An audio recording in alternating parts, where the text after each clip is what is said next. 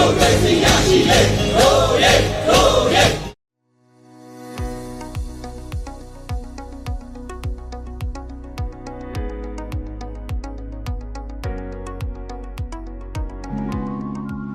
မြန်မာနိုင်ငံသားများအားလုံးမင်္ဂလာပါခင်ဗျာ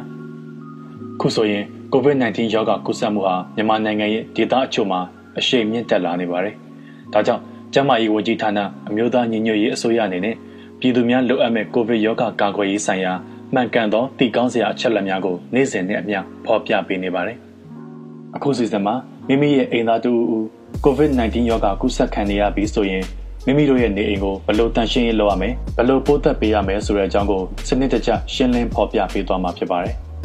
အိမ်တွင်းမှာရှိတဲ့လက်နဲ့ထိတွေ့မှုများတဲ့အရာဝတ္ထုမျက်နှာပြင်ပရိဘောဂများနဲ့ပစ္စည်းများကိုနေ့စဉ်တန့်စင်ပြီးပိုးသက်ပေးရပါမယ် ဥပမာစပွဲမျက်နှာပြင်တွေဗီဒီယိုတွေမိခလုတ်တွေတကားလက်ကင်တွေအံဆွဲတွေစသည်တို့ဖြစ်ပါတယ်အဲဒီလိုတန့်စင်တဲ့အခါမှာတစ်ခါသုံးလက်အိမ်များကိုဝတ်ဆင်ထားရပါမယ်ပထမဦးစွာလက်နဲ့ထိတွေ့မှုများတဲ့အရာဝတ္ထုများမျက်နှာပြင်များကိုဆက်ပြရေတို့ဖြင့်တန့်စင်ပေးပါအဲဒီလိုတန့်စင်ပြီးရင်တော့တက်တော်လိုမျိုးအိမ်သုံးပိုးတန့်စင်ဆေးရည်ဖြင့်ထပ်မံပတ်ဖြန်းပေးပါအဲ့ဒီအိမ်သုံးပိုးတန့်စင်ဆေးရည်ပူပေါ်မှာဆေးရည်ကိုမျက်နှာပြင်များထက်အချိန်ဘယ်လောက်ကြာကြာထားပေးရမယ်ဆိုတာကိုဖော်ပြထားလေးရှိတာမို့ ဖတ်ရှုပြီးဖော်ပြထားချက်တိုင်းဆောင်ရွက်ပါလေဝင်လေထွက်ကောင်းအောင်ပရင်တကားများကိုဖွင့်ထားရပါမယ်အဲဒီနောက်အချိန်စေ့ရင်တော့အိမ်သုံးပိုးတန့်စင်ဆေးရည်ပူပေါ်မှာဖော်ပြထားတဲ့ညွှန်ကြားချက်တိုင်းအိမ်သုံးပိုးတန့်စင်ဆေးရည်ကိုမျက်နှာပြင်များပေါ်ကနေပြန်လည်တန့်စင်ပေးရပါမယ်ထိုအိမ်သုံးပိုးတန့်စင်ဆေးရည်ပူကိုကလေးများလက်လန်းမမိနိုင်သောနေရာတွင်ထားရှိပေးပါ laptop နဲ့ mobile phone လိုမျိုးလျှက်စစ်ပစ္စည်းများကိုလည်းမူလထုတ်ကုန်မှာပါဝင်တဲ့ညွှန်ကြားချက်အတိုင်းပုံမှန်တန့်စင်ပေးပါ ဒါမှမဟုတ်အယ်ကိုဟောအနည်းဆုံး80ရာခိုင်နှုန်းပါဝင်တဲ့ဖြန်းစိတစ်ခါသုံးအရက်ပြန်ဝါကွန်းစစသည်တို့ဖြင့်ပုံမှန်တန့်စင်ပေးနိုင်ပါတယ်။အိုးခွက်ပကံများကိုလည်းစက်ပြရေနွေးပူများဖြင့်စနစ်တကျစေကြောတန့်စင်ပါ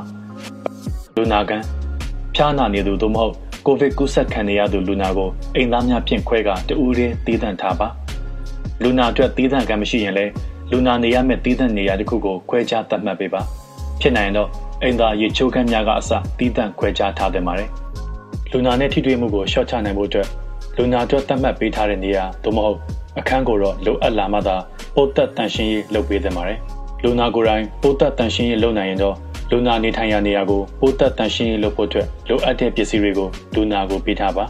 လူနာနဲ့မဖြစ်မနေမျှဝေသုံးစွဲရတဲ့နေရာတွေပစ္စည်းတွေနဲ့အရာဝတ္ထုမျက်နှာပြင်တွေကိုတခါအသုံးပြုပြီးတိုင်းလူနာကိုယ်တိုင်ပြန်လည်ပိုးသက်တန်ရှင်းခိုင်းပါ လူနာကိုယ်တိုင်ပိုးသက်တန်ရှင်းရေးမလုပ်နိုင်တော့လူနာနေထိုင်ရာနေရာသို့မဟုတ်အခန်းဟာမဖြစ်မနေပိုးသက်တန်ရှင်းရေးလုပ်ဖို့လိုအပ်လာမှသာအခြားသူတို့ကယောဂကာကွယ်ရေးနည်းလမ်းတွေကိုတေချာလိုက်နာပြီးဝင်ရောက်ပိုးသက်တန်ရှင်းပေးပါပိုးသက်တန်ရှင်းရေးပြုလုပ်နေစဉ်မှာလည်းအခန်းကိုလေဝင်လေထွက်ကောင်းမွန်အောင်ထားရှိပါလူနာအနေနဲ့ခွက်စိတ်ခန်းသုံးနှာခေါင်းစီးကိုတက်ဆင်ထားရပါမယ်လူနာကိုအနီးကပ်ပြုစုမဲ့သူကလည်းနှာခေါင်းစီးကိုစနစ်တကျတက်ဆင်ထားရမှာဖြစ်ပါတယ်။ လူနာအတွက်တည်တဲ့အမိုက်ပုံထားရှိဖို့လိုအပ်မှာဖြစ်ပြီးအမိုက်ပုံကိုလည်းပလတ်စတစ်အိတ်ဖြင့်ဆွတ်ပြီးစနစ်တကျအသုံးပြုရပါမယ်။အင်ကိုတန်ရှင်းရေးလုပ်ပြီးရင်တော့လက်အိတ်များကိုချက်ပြီးလက်ကိုအနည်းဆုံးစက္ကန့်20ကြာသည့်အထိဆက်ပြရေတို့ဖြင့်စနစ်တကျဆေးရပါမယ်။ COVID-19 ရောဂါနဲ့ပတ်သက်ပြီးအသေးစိတ်သိရှိလိုပါကကျန်းမာရေးဝန်ကြီးဌာနအမျိုးသားညီညွတ်ရေးအစိုးရရဲ့ COVID-19 ဗဟုသုတစင်တာသို့ဝင်ရောက်လေ့လာပေးပါ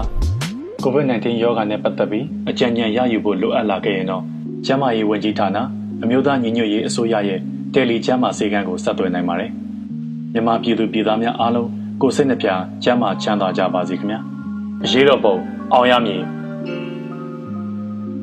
ရေတော်ပုံအောင်ရမည်ရေတော်ပုံအောင်ရမည်